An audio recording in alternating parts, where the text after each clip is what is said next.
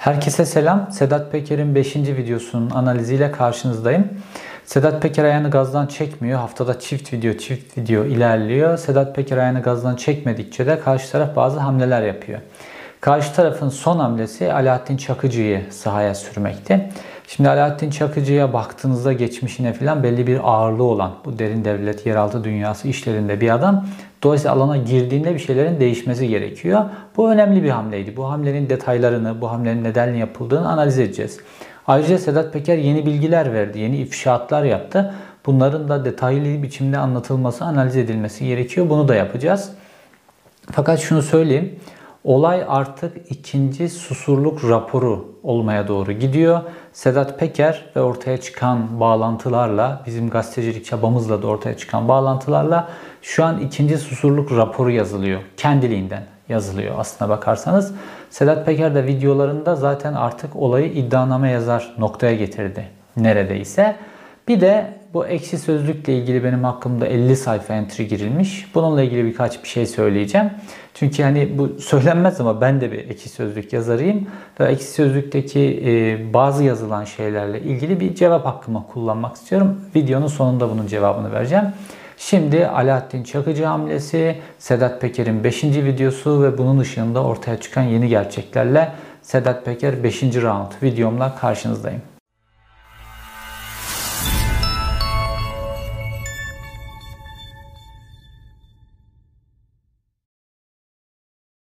Sedat Peker'in 3. ve 4. videosundan sonra Mehmet Ağar sert yaptı, Süleyman Soylu sert yaptı, açıklamalar yaptılar filan. Hatta Süleyman Soylu ilk başta olayın biraz zengini değiştirmeye çalıştı. Bir şeyler yaptı ama hiçbirisi işe yaramadı. Bütün hamleleri Sedat Peker'in hamlelerinin karşısında başarısızlığa uğradı. Şimdi şunu bir kere söyle kabul etmek gerekiyor. Sedat Peker şu anda hamle üstünlüğünü ele geçirmiş oldu. Ve dolayısıyla da ellerinde kullanabilecekleri, Mehmet Ağar'ın kullanabileceği ne hamle vardı? Alaaddin Çakıcı. Şimdi Alaaddin Çakıcı cezaevinden tahliye olduktan sonra Devlet Bahçeli'nin çabalarıyla tahliye olduktan sonra Mehmet Ağar bütün gücüyle arkasına geçti ve Alaaddin Çakıcı'yı Türkiye'de belli bir konuma getirdiler. Ve Sedat Peker'in altının boşaltılması, Sedat Peker'in gücünün kaybetmesi. Çünkü Sedat Peker'in geçmişten beri şu an kendisi açıklıyor. Süleyman Soylu'ya verdiği destekler, Mehmet Ağar'la Veli Küçüklü olan yakınlığı ile ilgili olayın pek çok geçmişi var. Mehmet Ağar, Sedat Peker'in güçlü olduğu bir Türkiye'yi çok istemez ve sinsi sinsi adımlarla Sedat Peker'in altını oydu. Arkasında devlet gücü de, polis gücü de olduğu için ve adım adım bütün emniyetin kilit noktalarını ele geçirdiği için de bunu başarılı olmuştu bu hamlesine ve Sedat Peker'i ülkeyi terk etme noktasına getirdiler hep beraber. Ama Sedat Peker'in kendi deyimiyle bir tripod ve bir kamerayla ilk başta değil ikinci videodan sonra Sedat Peker üstünlüğü ele geçirmiş oldu ve şu an hamle üstünlüğü Sedat Peker'de. Ve Mehmet Ağar hamlesini yaptı. Mehmet Ağar Alaaddin Çakıcı'yı devreye soktu. Alaaddin Çakıcı işte o bildiğimiz imla hatalarıyla dolu berbat Türkçesiyle bir uzun bir mektup yayınladı. Ve bu mektubun da işte Kemal Kılıçdaroğlu'na ayırmış bütün uzun kısımlarını en sonunda da Sedat Peker'e bir mesaj veriyor. Şimdi baktığımızda mektuba bu mektupla e, yapılmak istenen şey Mehmet Ağar cephesinde şunu yapmaya çalıştılar. Süleyman Soylu da bunun içerisinde diyebiliriz artık. Olayı bir mafya grupları arasında bir çatışma noktasına doğru çekmeye çalışıyorlar ya da iki mafya grubunun çatışmasını istiyorlar. Aslına bakarsanız Çakıcı grubuyla Peker grubunu. Dolayısıyla da siyasiler, Mehmet Ağar işte eski İçişleri Bakanı, hükümet filan bunlar hepsi bir tarafa çekilecekler. İkisinin savaşına kamuoyu, ikisinin savaşına polis, ikisinin savaşına gündem, belki adamlar ölecek arada bir şeyler olacak. Buna odaklanılacak. Dolayısıyla da kendilerinin üzerindeki yükten kurtulmuş olacaklar. Hamle bunun üzerine kurulmuş. Olay mafya savaşı çerçevesinde konuşulsun diye. Şimdi bunu birinci ve ikinci videodan sonra yapsalardı bu hamle başarılı olabilirdi. Fakat burada Sedat Peker daha zeki davrandı ve on, e, Mehmet Ağar da Süleyman Soylu da hata yapıp Sedat Peker'in bir önceki videoda söylediğim gibi oltasına geldiler ve alana girdiler. Sedat Peker'e cevap verdiler. Şimdi Sedat Peker'e cevap verdiğiniz zaman ve bunu işte medya kurumları üzerinden kamuoyuna açık biçimde yaptığınız zaman artık başka bir kişiyi cepheye dahil etmek, başka bir kişiyle savaşın yönünü aslında bu savaş o savaş değil de bu savaş demeniz mümkün değil. Bir, bu yemez. İkincisi, Sedat Peker artık 3. ve 4. videodan sonraki Sedat Peker ve ondan önceki Sedat Peker diye Sedat Peker dönemini ikiye ayırmamız gerekiyor. Çünkü ikinci videodan sonra çok bambaşka şeyler oldu. Şimdi en önemli olan şey şu. Sedat Peker kamuoyunu kazandı. Yani ilk videonun yayınlandığında ulaştığı izlenme rakamlarına bakın, oluşturduğu etkiye bakın. Orada ilk birinci, ikinci videoda Sedat Peker böyle hafif de panik halde canı yanmış, aile meseleleri var, işte evi baskın yemiş, ekonomik olarak zarar görmüş. Böyle canı yanmış, can havliyle konuşan bir adam vardı. Fakat ikinci videodan sonra e, karşı tarafın yaptığı tamamen yanlış hatalar nedeniyle hamle üstünlüğü Sedat Peker'e geçti ve şu an süreci Sedat Peker yönetiyor ve kamuoyunu da arkasına aldı. Ortaya koyduğu deliller, anlattığı şeylerle kamuoyunu ikna etti. Karşı tarafta ne Mehmet Ağar ne Süleyman Soylu hiçbir biçimde kamuoyunu ikna edemiyorlar. Dolayısıyla şu an Sedat Peker'in bütün muhalefetten daha fazla etki oluşturan Artık Almanya'da bile böyle. Nereye gitseniz Sedat Peker konuşuluyor. Türkiye'de eminim daha beterdir. Kahvehanelerde, orada burada her yerde Sedat Peker konuşuluyor. Bu gündem oluşturma gücünü arkasına aldığı zaman ve kamuoyunu ikna etmiş bir Sedat Peker olduğu zaman artık Alaaddin Çakıcı'nın orada bir esamesi okunmaz. Neden? Çünkü 3. ve 4. videodan sonraki Sedat Peker ve bu 5. videoyla da iyice pekişti. Türkiye'nin en kudretli iki tane adamını paspasa çevirmiş bir adam var. Şimdi baktığımızda İçişleri Bakanları tarihine bakın. İşte Süleyman Soylu, e, Türkiye'nin en kudretli adamı Tayyip Erdoğan'a karşı istifa resti çekmiş. Tayyip Erdoğan istifasını kabul edememiş. Böyle güçlü bir Süleyman Soylu, işte jandarmayı kendisine bağlamış falan böyle kudretli bir Süleyman Soylu var. Ülke tarihinin en kudretli İçişleri Bakanlarından biri olarak ortada. Diğer tarafta Mehmet Ağar. Türkiye Cumhuriyeti'nin gelmiş geçmiş en kudretli İçişleri Bakanlığı, en kudretli Emniyet Genel Müdürü filan derin devletin başı o bu filan. Bu ikisini bir tane kamera bir tripodla paspasa çevirmiş bir Sedat Peker var. Dolayısıyla Türkiye'nin en kudretli iki tane adamını paspas yapmış bir Sedat Peker'le yapmamış bir Sedat Peker arasında fark vardı. İlk iki videoda Alaaddin Çakıcı'yı alana sürselerdi olayın rengi değişebilirdi. Ama artık bu ikisini paspasa çevirmiş bir Sedat Peker'in karşısında Alaaddin Çakıcı'nın esamesi okunmaz. Alaaddin Çakıcı'nın öyle bir ağırlığı artık Sedat Peker üzerinde yok. Çünkü Alaaddin Çakıcı'yı kamuoyu özellikle gençler Sedat Peker kadar tanımıyorlar. Ve bu son videolarla Sedat Peker'in kamuoyunu ikna etme kabiliyeti den Alaaddin Çakıcı yoksun. Şimdi yaşlı bir adam. E, bir kere bu korona döneminde muhtemelen korona bulaşmasın diye bir ton önlemlerle yaşayan bir adam artık. Yaşı bir kemale ermiş. Hani bu şöyledir bilmiyorum boksa ilginiz var mı? Ben boksu çok yakın, ağır siklet boksu çok yakın takip ediyorum. Bir boksör vardır böyle sürekli başlar böyle onun devri gelmiştir artık. Sürekli nakavtlara başlar. 1, 2, 3, 5, 15, 20 böyle maçını nakavtla gider gider gider. Artık tekniği öyle bir noktaya gelmişsinizdir ki dersiniz ki ya bunun devrini nasıl kapanacak? Bunu kim yenir? Hiç kimse yenilmez bu adam dersiniz. İşte Mark Tyson'lar filan. Böyle dersiniz. Sonra genç bir boksör çıkar ve bütün o tecrübesine, bütün o ününe, şanına rağmen ringde onu mahveder. Çünkü artık yaşlanmıştır. Çünkü artık devri bitmiştir. Genç boksör yeni bir yetenek, yeni taktik ve taze güçle o e, hayallerinizdeki o hayran olduğunuz boksörü yerle bir eder. Şimdi Peker'le Çakıcı'nın geldiği durumda bunu oldu. Çakıcı son kendisine kattığı güçle yani kamuoyunu elde tutabilme gücüyle birlikte bir kamerası ve bir tripoduyla birlikte artık Alaaddin Çakıcı'nın mücadele edebileceği bir Sedat Peker olmaktan çıktı. Şimdi Sedat Peker'in Karadağ'da çektiği videolarda da Alaaddin Çakıcı'nın ismi geçmişti. Ve Sedat Peker orada Alaaddin Çakıcı'dan ki Alaaddin Çakıcı doğrudan Sedat Peker'i hedef alıp bir açıklama yapmamıştı. Sadece kamuoyunda konuşulmuştu. Sedat Peker işte yurt dışına gönderdiler. Çünkü Alaaddin Çakıcı'nın baskısı oldu. Alaaddin Çakıcı cezaevinden çıkınca artık Türkiye'nin babası Alaaddin Çakıcı olacak filan. Sedat Peker orada Çakıcı'dan çok böyle saygıyla bizim aramızda bir ateşkes var demeye getirdi filan böyle bahsetmişti. Ama şimdi Alaaddin Çakıcı mektup yayınlıyor. Peşine Sedattin, e, Sedat Peker video yayınlıyor. Çakıcı'dan artık bahis bile etmiyor.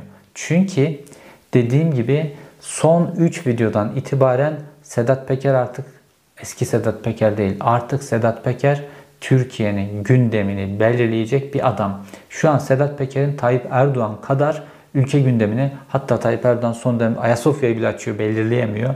Uzaya araç göndereceğim diyor belirleyemiyor. Ondan daha güçlü bir konuma gelmiş o gelmiş durumda. Sedat Peker dolayısıyla Alaaddin Çakıcı hamlesinin yapılabileceği bir şey yok. Sedat Peker'in bazı adamlarını öldürebilirler falan ama bunların hiçbirisi değiştirmez bu gerçeği. Çünkü Sedat Peker'in elindeki güç çok fazla. Şimdi gelelim Sedat Peker'in Mehmet Ağar polisiyle ilgili bu videoda verdiği çok önemli bilgilere, o bilgilerin detaylandırılmasına. Sedat Peker, Süleyman Soylu ve Mehmet Ağar'ı doğrudan hedef aldığı videolardan itibaren bu iki isim hakkında iddianame yazmaya başladı. Baktığımızda neredeyse böyle bir savcı gibi artık böyle polislerle, savcılarla muhatap ola artık hukuk sistemini, Türk Ceza Kanunu'nda bayağı iyi biliyor anlaşılan. Böyle iddianame yazıyor. Şimdi baktığımızda bir tane mafya lideri diyoruz değil devlete göre organize suç örgütü lideri. Şimdi bir tane mafya lideri iki tane bakanın aileleriyle birlikte nasıl suça karıştıklarını delilleriyle birlikte anlattığını görüyoruz. Sedat Peker iki tane İçişleri Bakanı'nın biri eski biri halen İçişleri Bakanı olan isim hakkında aileleriyle birlikte, akrabalarıyla birlikte nasıl, hangi suçlara, nerede karıştıklarına ilişkin iddianame yazıyor ve bunu delilleriyle ortaya koyuyor. Fakat iki tane İçişleri Bakanı Sedat Peker'in hangi suça nasıl karıştığını delilleriyle birlikte ortaya koyamıyor. Ya çok enteresan bir ikilem, çok enteresan bir çelişki var burada ortaya ve mafya lideri dediğimiz adam Sedat Peker iki tane İçişleri Bakanı hakkında tamamen delilleri saya saya böyle somut doneleri saya saya işte hangi kıza tecavüz edilmiş, nerede öldürülmüş, ne olmuş, baz istasyonu kayıtları, nerede bakanoğlu uyuşturucu kullanmış, Süleyman Soylu kendisine Sedat Peker'e yapılacak operasyonu nasıl sızdırmış, kime söylemiş. Bütün bunların hepsini delilleriyle birlikte tek tek mafya lideri anlatırken iki bakan ne yapıyorlar? Tıpkı mafya liderleri gibi hakaret ediyorlar. Yani roller tamamen tersine dönüşmüş durumda. Mafya liderinin yapması gerektiği şeyleri iki tane bakan yapıyor. İki tane bakanın, bakanların yapması gerektiği şeyleri de mafya lideri dediğimiz adam yapıyor. Roller tamamen tersine dönmüş durumda. Ve bu nedenle Sedat Peker kamuoyunu ikna ediyor. Çünkü delilleriyle ortaya koyuyor ve kamuoyu da gerçekleri çok rahat biçimde ortaya koyuyor, görüyor. Fakat iki tane bakan Sedat Peker'in tek tek tek tek sıraladığı suçlamalara doğrudan tek tek tek tek cevap veremiyorlar. Ne yapıyorlar? Genel şeyler. İşte pislik diyor, bilmem ne diyor. Mehmet Ağar işte ben oğlumla gurur duyuyorum diyor. Konuyu buradan kapatıyor. Suçlamaya hiç girmiyor. İşte Marina ile ilgili suçlamaya doğrudan tek tek cevap vermek yerine karmaşık biçimde Marina'nın ortaklık yapısını anlatıyor. Ben olmasaydım buraya mafya çökerdi filan gibi şeyler. 1 milyar dolarlık Marina'nın 29 milyon dolara nasıl el değiştiğini, 1 milyar dolarlık Marina'nın 29 milyon dolara nasıl el değiştiğini, hangi geri zekalının bu el değiştirmeyi yapabileceğini Mehmet Ağar olmadan bir türlü anlatamıyoruz. Mehmet Ağar nasıl oluyor da e, devlet memuru maaşlı bir adam olarak bu marinanın bilmem yüzde kaçını eline geçirecek güce ulaştığını bir türlü Mehmet Ağar bunu anlatmıyor. Laf kalabalığıyla geçiriyor ve seçip karşısına çıktığı gazetecilerde suçlamaları tek tek tek Mehmet Ağar'a soracak gazeteciler değil. Baktığımızda işte oğlunuzla ilgili iddialar vardı. Buna ne diyeceksiniz? Ben oğlumla gurur duyarım. Geçiyor. İşte Marina ile ilgili iddialar var. Buna ne diyeceksiniz? Ya böyle demiyor ki Sedat Peker. Olayı detaylarıyla anlatıyor. Bunları sorun. Yok. Bunları soracak gazetecileri seçmedikleri gibi onlar da bu soruları zaten sormamaya dünden razı. Dolayısıyla bu ikisi böyle geçiriyor. Fakat kamuoyu bunu görüyor. İki tane bakan sürekli her şeyi geçiştiriyor. iddialara cevap vermiyorlar. Genel konuşuyorlar. Pislik mistik bu tip laflarla konuşuyorlar. Fakat karşılarında mafya lideri dedikleri adam hakaret etmeden delilleriyle tek tek tek tek konuşuyor. Dolayısıyla da kamuoyu ikna oluyor. Ve bu ikna, kamuoyunu ikna etmek çok büyük bir güçtür. Halk her şeyden büyük güçtür. Ve dolayısıyla Sedat Peker arkasına halkı aldığı için adım adım adım bu kadar ilgi görüyor ve karşı tarafında yapabileceği hamle tıpkı mafya liderleri gibi sahaya yeni bir mafya lideri, sahaya bıçkın bir delikanlı filan diye 70 yaşındaki Alaaddin Çakıcı'yı sokmak oluyor. Fakat bu da işe yaramıyor. Hatta Peker o kadar çok şey anlattı ki Mehmet Ağar'da. Hani susurluk dosyasını, susurluk raporunu, meclis susurluk raporunu filan da biliyorum. Bu susurluk raporunda Mehmet Ağar hakkında bu kadar çok suç yoktu. Yani susurluğu yıllardır konuşuyoruz. Susurluk raporunun tamamının içinde Sedat Peker'in şu 5 videoda Mehmet Ağar hakkında anlattığı kadar suçlama, anlattığı kadar delil yoktu. Dolayısıyla da ben bu süreci, bu Sedat Peker sürecini ta Sedat Peker'in Türkiye'den çıktığı andan itibaren pek çok video ile üzerine düşüyorum. Çünkü ikinci susurluk raporu yazılıyor aslında ve Sedat Peker de bu raporun yazılmasındaki en önemli etkenlerden bir tanesi verdiği bilgilerle. Hani şimdi dalga geçiyor ya Türkiye bağırsaklarını temizliyor, temiz toplum falan dalga geçiyor. Ha, bunun olamayacağını düşünüyor. Susurlukta zaten olamadı. Fakat Sedat Peker'in sadece şu ana kadar anlattıklarının üzerine herhangi bir meclis komisyonu, herhangi bir savcı gittiğinde Susurluktan çok daha büyük bir ekonomik rant, Susurluktan çok daha büyük e, suç dosyası ortaya çıkabilir ve Mehmet Ağar'ın şu ana kadar Sedat Peker'in bize anlattıkları kadar ortaya çıkan suçlarından çok daha az suçlama vardı Susurluk raporunda Mehmet Ağar'la ilgili. Ağır polisliği dediğinizde Sedat Peker'in sürekli tekrarladığı ağır polisliği ve 90'larda da Kürtlerin çok tekrarladığı ağır polisliği Ağır polisliğini şuraya yazacaksınız. Ortaya kocaman bir eşittir işareti koyacaksınız. Mafyayı da buraya yazacaksınız. Ağır polisliği demek mafyatik yöntemlerin kullanılması demek. Şimdi mafya dediğinizde bu organize suçlar kapsamında mafya dediğinizde akla gelen ilk suç mala çökmedir. Böyle uyuşturucu o bu filan tahsilat o işleri değildir. Mafya dediğinizde akla gelen ilk suç mala çökmedir. Şimdi Mehmet Ağar'a baktığımızda 90'larda ne yaptı Mehmet Ağar? İşte Kürt iş adamlarının mallarına çökme meselesi. 90'larda Kürt iş adamları gözaltına alındılar, gözaltında işkence gördüler, öldürüldüler. İşte Bolu, Düzce, Atapazarı, Şeytan Üçgeni dediğimiz yerde bir sürü Kürt iş adamı öldürüldü falan. Bunların hepsini mala çökme kapsamında değerlendirilebiliriz. İşte Kamilerin mallarına çöktüler filan aynı şekilde gözaltına alınmaları filan. Bu Mehmet Ağar polisliği dediğimiz şey. Dolayısıyla da şimdi de Türkiye'de bir ekonomik düzende bir sıkıntı var. Dolayısıyla da iktidar Mehmet Ağar'a yaklaşmak zorunda. Şimdi neydi? Son yıllarda, son 6-7 yıl öncesine kadar Türkiye'deki esas rant inşaat ve devlet ihaleleriydi. İnşaatta nasıldı rant? İşte bir e, alan alınıyordu. Oraya normalde 10 katlı bina yapılacak, 30 katlı yapılıyordu. Emsali arttırıyordu belediye ya da orayı Çevre Şehircilik Bakanlığı devralarak oranın emsalini arttırıyordu. Rant böyle vuruluyordu. İnşaat yapılamayacak yerlere inşaatlar, inşaat alanının korkunç derecede büyütülmesi falan İstanbul'u biliyorsunuz. İşte bu şekilde işler yürüyordu inşaat rantıyla. Artı devletin çok büyük verdiği ihaleler vardı. Bu ihalelerde sürekli 5 tane beşli çeteye veriliyor. Ve beşli çetede dolayısıyla payını, yüzdesini filan ödüyordu ki beşli çetenin içerisindeki bir tane iş adamının sadece temsilci olduğunu, emanetçi olduğunu, aslında onun bütün mal varlığının kimin olduğunu, iktidarın başındaki kişinin olduğunu biliyoruz. İş böyle yürüyordu. Fakat bu işin sonuna gelindi. İnşaat meselesi giderek yavaşladı. Son 5-6 yılda durma noktasına geldi. Devlet artık o büyük rant ihaleleri veremez hale geldi. Dolayısıyla da ne yapılacak? Bu sistemin devam ettirilmesi, bu çarkın devam ettirilmesi, her yerdeki teşkilatların doyurulması, suça bulaşmış, sizin hakkınızda bilgiler bilen insanların elde tutulması filan bunların hepsini nasıl devam ettireceksiniz o zaman? O zaman birilerinin mallarına çökeceksiniz. Ya ama klasik tarihte defalarca böyle sıkışmış iktidarların tahrik ettiği ve yaptığı şey işte mesela Maraş olaylarına da baktığınızda işte Alevilere yönelik saldırılar falan baktığınızda temel motivasyonu yağmadır. Öyle Alevilik, Sünnilik meselesi değil. Yağmadır temel motivasyonu. Rumların işte 1960'ta İstanbul'da yaşadıkları, İstanbul'dan kaçmak zorunda kaldıklarına baktığınızda yağma. Onun da temel motivasyonu esas olarak yağma. İşte o Beyoğlu'ndaki dükkanlar, onların malları, fabrikaları falan yağmalandı yani. Onlardan Türkiye'nin en büyük zenginleri falan çıktı ortaya ondan sonra o yağmalanan mallarda. Şimdi de işte yağmalanan mesele işte bu Gülen cemaatinin malları. Şimdi buna yakın iş adamları filan FETÖ borsası dediğimiz mesele üzerinden bunların malları yağmalanıyor.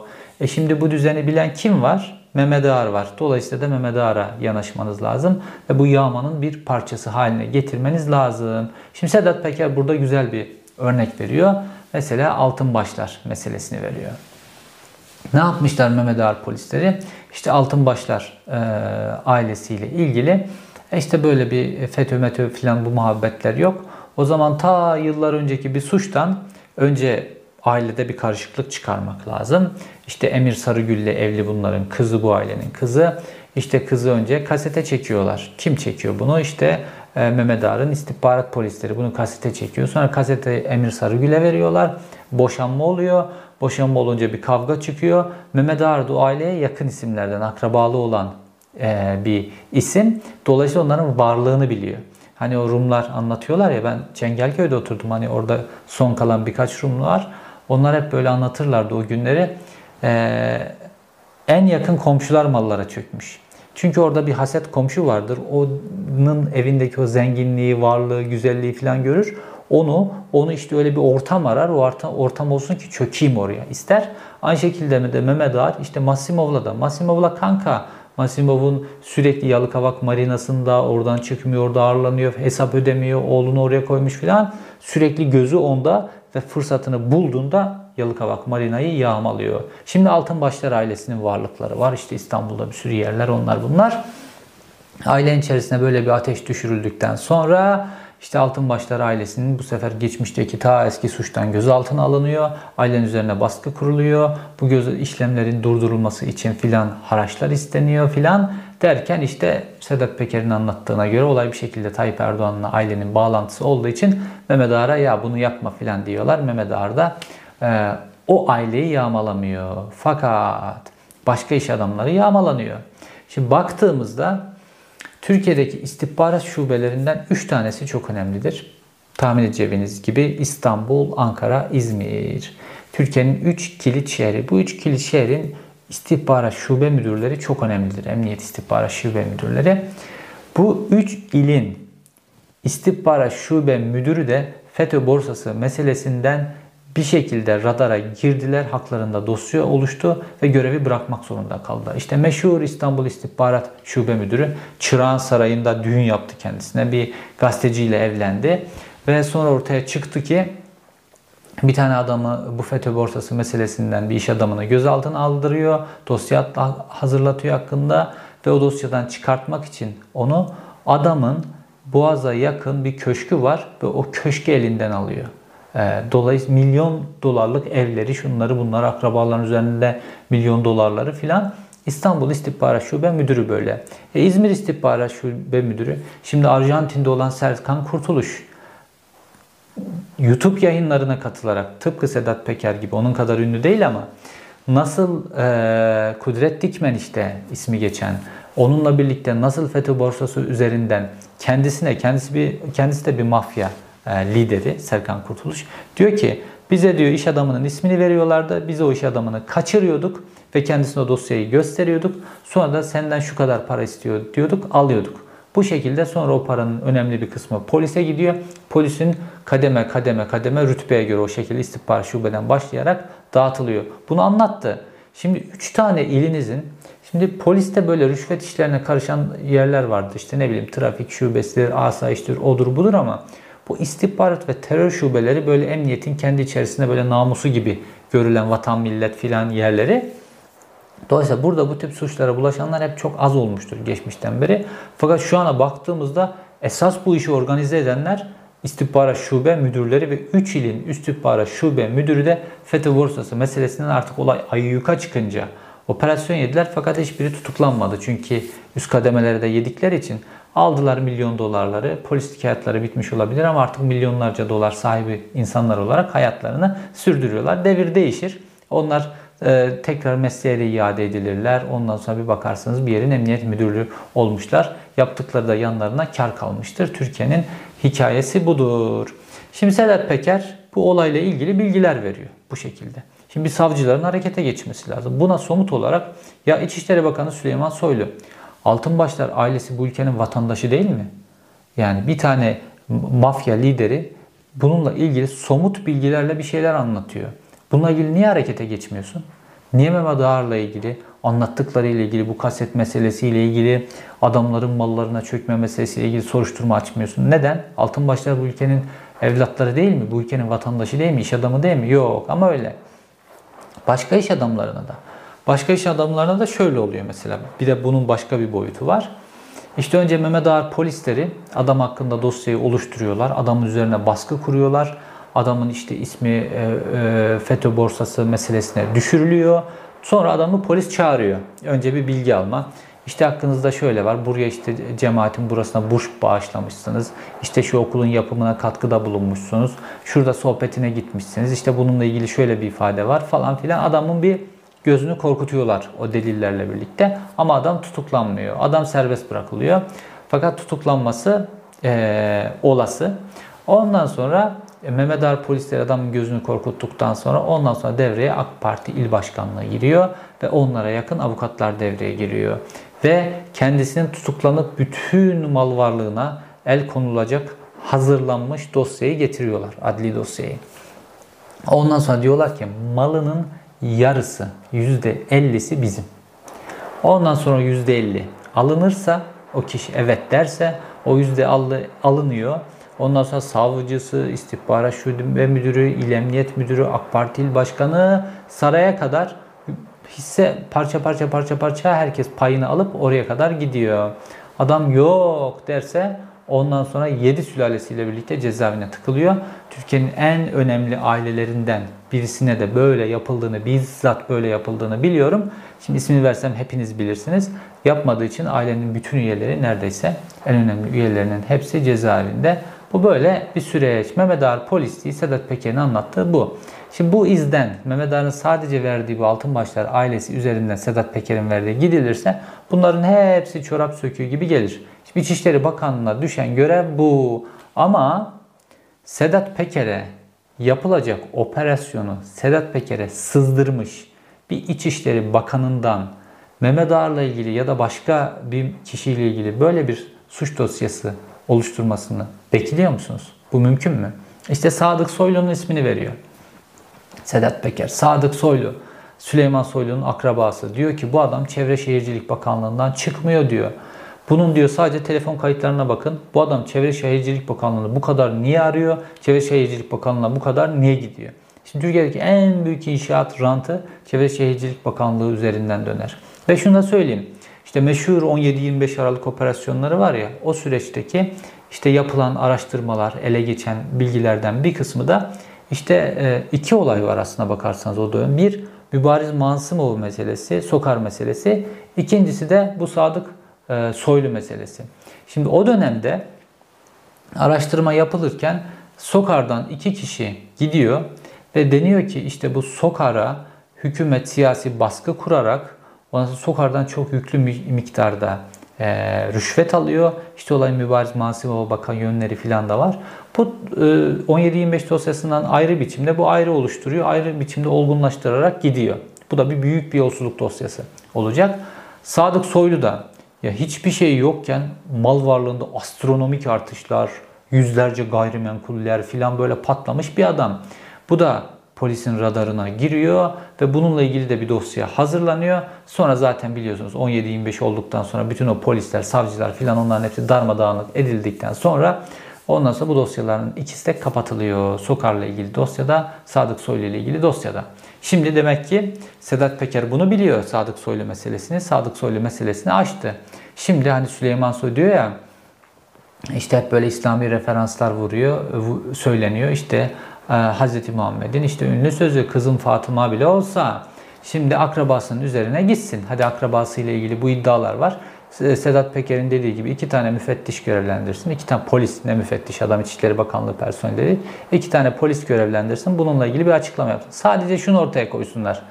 Ee, Sadık Soylu'nun yıllar içerisindeki mal varlığı değişimi. Sadece bunu açıklayabilsin her şeyi açıklayabilir o zaman. Ama sadece bunu bile açıklayamaz. Çünkü o mal varlığı normal bir helal kazançla, normal bir çalışmayla böyle artırılabilecek bir mal varlığı değil. Mehmet Ağar polisliği çerçevesinde şu an Türkiye'de en çok yapılan şey gözaltına aldırıp kişiyi ondan sonra malına çöktürmek. Bu dediğim gibi sistemin devamı için mümkün gerekli. Dolayısıyla da iktidar tarafından Mehmet Ağar'ın bu kadar yükseltilmesinin sırrı budur yani. Olay ekonomik, olay para, ideoloji şu bu filan bunların e, önemi yok. Bu tip polislerin yani mala çökmeyi olanaklı hale kılacak bu sistemle entegre biçimde çalışacak polislerin e, kritik görevlere getirilmesi için, bu polislerin organize edilebilmesi için Mehmet Ağar gerekliydi. Mehmet Ağar dolayısıyla da bu kadrolarla birlikte iktidara gerekli e, lojistiği, iktidara gerekli organizasyonu sağlıyor. Fakat Sedat Peker sürekli olarak Süleyman Soylu ve Mehmet Ağar'ın yolsuzlukları üzerinden giderken bu videoda ilk defa iktidarın yolsuzluklarıyla ilgili de küçük bir ipucu verdi. O da Demirören meselesi. Şimdi izlediğiniz videoyu gazetecileri yerden yere vuruyor. Pespaya şeyler tabii gazetecilik açısından utanç verici şeyler. Orada Demirören'e giriyor. Ve Demirören'e diyor ki sen diyor emanetçisin diyor. Şimdi Demirören ne oldu? İşte Türkiye'nin en büyük medya grubu Doğan Medya Grubu. Doğan Medya'nın üzerine çöküldü ve Doğan Medya bütün varlığını işte 15 Temmuz'da Tayyip Erdoğan'a kadar destek vermesine rağmen fakat geçmiş hesaplar nedeniyle Tayyip Erdoğan orayı istiyor. Doğan Medya istiyor Tayyip Erdoğan. Medyanın en önemli parçası. Turkuaz zaten onun elinde. Küçük medya boğulmuş, yok edilmiş ya da kapatılmış o bu. Doğan Medya var. Bu lokmayı istiyor Tayyip Erdoğan. Ve bu lokmayı bir kişiyenin üzerine geçirilecek. Ama nasıl? Emanetçi olarak. Şimdi ne yapıldı? İşte Demirören Medya Doğan e, grubunu satın aldı aniden. Böyle bu kadar bir ekonomik büyüklüğü şu bu filan da olmamasına rağmen işte krediler ayarlandı devlet bankalarından o bu filan. Sabah Turkaz'da da aynı şekilde yapılmıştı. Ve Demirören grubu bir anda o koskocaman devasa lokma olan Demirören'e göre Doğan grubunu satın aldığı böyle Doğan da parasını peşine alıp çekip gitti. Şimdi Sedat Peker diyor ki sen emanetçisin. Peki Demirören kimin emanetçisi? E, Mehmet Cengiz, o milletin ağasına koyan Mehmet Cengiz kimin emanetçisi ise şu an işte Ethem Sancak o e, tank palet fabrikasından tutun da BMC'ye kadar filan kimin emanetçisi ise Ethem Sancak bu iktidardan öncesinde süt satan bir adamdı. Hayvancılık yapıp süt satan bir adamdı yani. 1-2 milyon dolarlık seviyede bir adamdı Ethem Sancak. Bir anda tank palet fabrikası, kirpi gibi zırhlı araçlar üreten BMC filan devasa lokmalar yutmaya başladı bir anda. Bunlar nasıl oluyor? Bunlar ancak esas olarak malın hamudunu götüren fakat bu malı açıklayamayan kişinin emanetçisi olursanız mümkün. İşte Cem Uzan anlatıyor sürekli o Katar'dan gelen paralar diyor. Katar'ın parası değil diyor. Zaten Türkiye'den çalınıp oraya götürülen şimdi de Türkiye'deki malları satın almak için sözde fon mon biliyorsunuz bu işleri çok güzel karışık yapıyorlar. İşin içinden çıkamazsınız. Bir şirket kuruluyor. O şirkete bakıyorsunuz o şirketin sahibi kim? O şirketin sahibi de başka bir şirket. Nerede? Şu adada. O adaya gidiyorsunuz o şirketin sahibi kim? O bir şirket. Sürekli bir şirketin sahibi bir başka şirket. Bir türlü gerçek kişiye ulaşamıyorsunuz. Bu Katar fonları da öyle. Türkiye'deki bütün kritik önemli şeyler, Dijitürk'ü aldılar onu bunu filan. Arkası bir türlü karışık. Bir türlü gerçek kişiye ulaşamıyorsunuz. Bu şekilde bu da böyle. Şimdi diyor ki Sedat Peker sen emanetçisin. Yani Sedat Peker demek istiyor ki burası Tayyip Erdoğan burada çok kritik bir bilgi veriyor Sedat Peker. Kritik bir ima yapıyor ve hemen ardından da diyor ki devir değişir diyor. Ve Sedat Peker kendi yaşamında devirlerin nasıl değiştiğini, neler olduğunu filan bunların hepsini gördü. Ve Sedat Peker'in mantığına göre sürekli işte balıkların ya balıkların mı karıncaları yiyeceğine, karıncaların mı balıkları yiyeceğine okyanus karar verir stratejisinde hep ilerler Sedat Peker. Çünkü okyanusun suları çekildiğinde karıncalar balıkları yer. Okyanusun suları geri geldiğinde karıncalar kaçamaz, balıklar karıncaları yer. Sedat Peker'e göre bütün o okyanus devlet. Dolayısıyla Sedat Peker diyor ya orada ben ne sağcıyım kardeşim ne solcuyum ben futbolcuyum diyor. Yani ben profesyonelim diyor Sedat Peker. Baktığımızda 28 Şubat sürecinde Sedat Peker işte Veli Küçük'ün adamıydı. Veli Küçük'ün eli koluydu neredeyse Sedat Peker. Veli Küçük 28 Şubat sürecinde böyle işte dindarların böyle kanını içecek bir adam baktığınızda. E 28 Şubat'ın mağduru da Tayyip Erdoğan. E şimdi bakıyorsunuz Sedat Peker Tayyip abi diyor. Tayyip Erdoğan için oluk oluk kan akıtacak. Tayyip Erdoğan için mitingler düzenliyor filan. E ne oldu ya 28 Şubatçıların da adamısın, kankasısın, en önemli adamısın. Bugüne geldiğimizde de böylesin filan. Fakat Veli Küçük'ün de devrinin geçtiği gibi Tayyip Erdoğan'ın da devri geçecek. Sedat Peker devrin geçtiğini biliyor ve Sedat Peker sürekli okyanusu oynuyor. Okyanus dediğimiz şey devlet. Dolayısıyla Sedat Peker diyor ki ben ne sağcıyım, sağcı iktidarla da çalışır, solcu iktidarla da çalışır. 28 Şubatçıyla da çalışır, 28 Şubat mağduruyla da çalışır. Çünkü Sedat Peker profesyonel ve şu an işini profesyonelce yapıyor. Peker tüm bunları yaparken iki yerde de oltalama yapıyor. Bu videosunda önceki videolarında Ağır'la Soylu'ya oltalama yaptığı gibi bu videoda da iki tane oltalama daha yapıyor. Birisinde diyor ki ben diyor Karadağ'dayken ahim yargıçları geldi. İşte kendisine korunma önermişler anlattığına göre. İkincisi de Dubai'deki bir yetkiliyle, e, resmi devlet yetkilisiyle, üst düzey bir yetkiliyle konuşma anını anlatıyor. Tam işte konuşma, ilk böyle jestleri, mimikleri böyle detaylı giderken tak diye konuyu orada kesip bir anda sanki bir şey söyleyecekmiş, onunla ilgili yaptığı bir diyalogla ilgili bir şey söyleyecekmiş gibi yapıp aniden konuyu değiştiriyor ve orayla ilgili konuyu yarım bıraktığını söylüyor. Şimdi Sedat Peker şunu diyor burada. Benimle diyor, benimle diyor, beni konuşturacak, benimle irtibat kurmak isteyen uluslararası güçler var diyor. Ahim filan dediği aslında Avrupa Birliği ya da Amerika filan böyle güçler var diyor. Ama ben hala konuşmadım. İşte vatan, millet, Sakarya Edebiyat yapıyor. Ben hala bunlarla işbirliği yapmadım. Dolayısıyla karşı tarafa anlaşma için elinizi hızlı tutun diyor. Ve sopayı da gösterdiği için bu sefer öyle geçen seferki gibi Nisan ayı şu bu filan bu zokayı da yemem diyor. Dolayısıyla karşı tarafa bir mesaj gönderiyor. Benim elimde güçlü, benimle birlikte çalışmak isteyen uluslararası güçler de var. Dolayısıyla elinizi çabuk tutun şu anlaşmayı doğru düzgün benim karşıma doğru düzgün bir pazarlıkla gelin. Öyle karşıma anlaşılması bile güç bozuk cümleler içerisinde Alaaddin Çakıcı mektuplarıyla gelmeyin diyor Sedat Peker. Bir diğer anlattığı konuda işte kendisinin öldürülmesi için böyle uluslararası organizasyon, uluslararası mafya organizasyonlarıyla temas kurulduğuna ilişkin bilgiler alıyor. Şimdi Dubai'de Türkiye mafya tarihine çok yakın dönemde birkaç yıl önce Dubai'de bir cinayet işlendi. Bu organizasyonu yapan da Zindaşti'ydi. Bunu Zindaşti ile ilgili videomda anlattım. İşte Zindaşti kendi kızını e, öldürenleri, kendisini aslında hedef almışlar fakat yanlış araba taranıyor.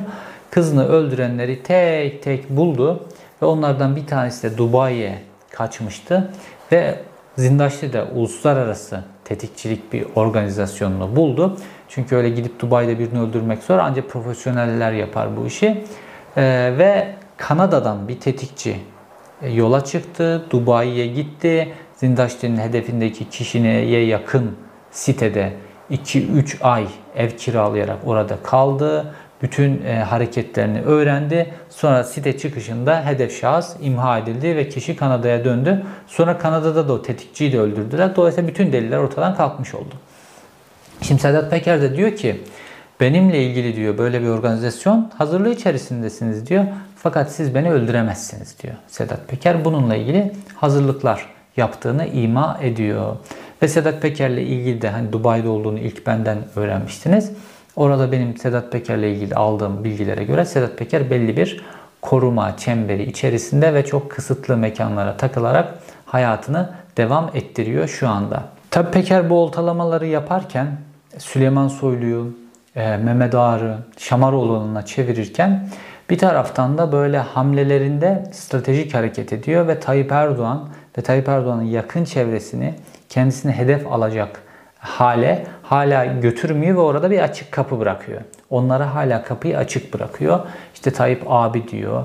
İşte İbrahim Kalın'ın kendisiyle ilgili yaptığı açıklamayla ilgili İbrahim Kalın devlet adamı falan diyor. Halbuki biz İbrahim Kalın'ın o devlet adamlarını 17-25 tapelerinden biliyoruz. Ee, Türk Telekom'un CEO'sundan çocuklarının okul taksitlerini istemek için ne hallere düştüğünü o devlet adamı dediği kişinin biliyoruz biz. Neyse orada bir açık kapı bırakıyor. Hala orayı Tayyip abisini tam olarak hedef almış değil, imalarla, imalarla gidiyor.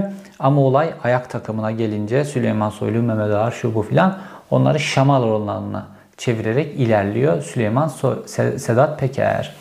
Şimdi Sedat Peker genel olarak bu ekşi sözlük meselesine geçmeden önce toparlayacak olursam Sedat Peker şu an hamle üstünlüğünü ele geçirdi. Çünkü Sedat Peker şu an kamuoyunu arkasına aldı Çünkü kamuoyunu ikna ediyor. Delillerle, olaylarla, bizzat kendi karıştığı suçlarla milletvekili, eski bir milletvekilini dövdürmek dahil, kendi karıştığı suçlarla İçişleri Bakanı'nın kendisine bilgi sızdırması, onların şahitleri şu bu filan çok somut gidiyor. Ve suçlarla ilgili de çok somut gidiyor. Dolayısıyla da kamuoyunu ikna ediyor. Karşı tarafsa işte pislik diyerek böyle hamasi kelimeler kullanarak Sedat Peker'den konuşurken olayın içerisine Dağlık Karabağ zaferini, Libya'yı falan katarak böyle tuhaf tuhaf hamasetlerle gidiyor karşı taraf. Mehmet Ağarsa böyle ekranın karşısına kızaran bozaran ne dediği belli olmayan bir halde. Dolayısıyla Sedat Peker şu an ezmiş durumda karşı tarafı. Hamle üstünlüğü Sedat Peker'de bu böyle devam edecek. Ve Sedat Peker ilerledikçe, anlattıkça da ortaya ikinci susurluk raporu çıkacak. Ki Sedat Peker de bu videosunda ucundan da olsa Mehmet Öymür'ü Susurluğun en önemli isimlerinden bir tanesi Mehmet Öymür de olayın içerisine bir şekilde çekti. Ki Mehmet Öymür Mehmet Ağar'ı en iyi bilen, Mehmet Ağar'ın pek çok olayını ilk ortaya çıkan adam diye Milli İstihbarat Teşkilatı personeli diye bilinir. Şimdi gelelim şu ekşi sözlük meselesine. Şimdi benim bu son videolardan sonra şöyle bir durum oluştu.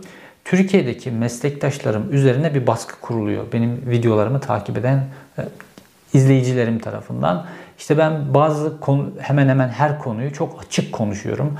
Böyle çok e, söylenmesi Türkiye'de hemen insanı Silivri'ye tıkabilecek şekilde konuşuyorum. Fakat ben yurt dışındayım. Şimdi ben bu yurt dışında e, bir tercih yaptım ben. Hani Türkiye'de de e, kalabilir. Bunu kendimi anlattığım videoda anlattım zaten uzun uzun.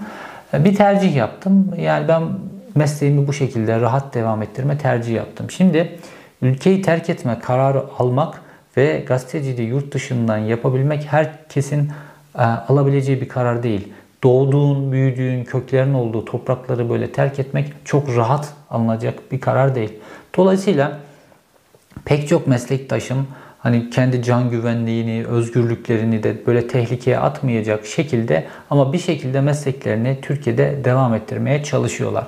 Şimdi onlardan benim kadar açık böyle konuşmalarını beklediğinizde dolayısıyla da onlarda bir öfke tepki oluşuyor ister istemez ve benim de ismimi ya işte Cevher Güven böyle anlatıyor sen niye üstün körü anlatıyorsun filan dediğinizde bu sefer tepki bana geliyor. Bu sefer benim ismimi vererek benimle ilgili bir sürü saçma sapan şey söylüyorlar mecburen. Dolayısıyla Türkiye'deki meslektaşlarımın üzerine böyle bir baskı oluşturmak doğru değil. Yani öyle gazetecilerden böyle kahramanlık yapmanı, yapılmasını bekleniyor ama yani benim anlattığım şekilde bazı şeyleri anlattığımda Türkiye'deki herhangi bir gazeteci sabah gözlerini Silivri'de açar.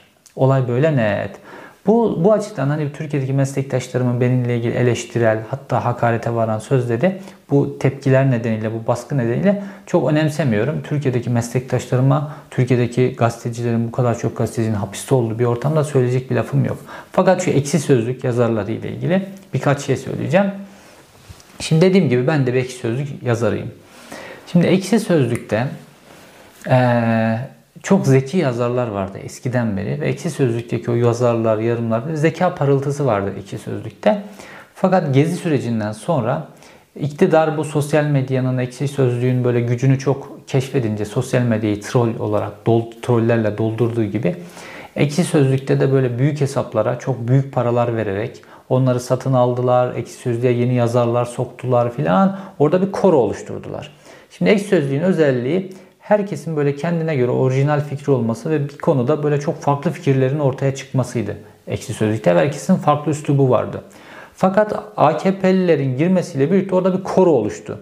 Her başlığın altına hemen hemen aynı cümleler, aynı fikirlerle onlarca entry giriyorlar. Dolayısıyla ekşi sözlüğün bütün o pırıltısını yok ettiler. Şimdi benimle ilgili de son günlerde 50 sayfa entry girilmiş. Ve böyle neredeyse tam bir koro var orada. Böyle hareket ediyorlar.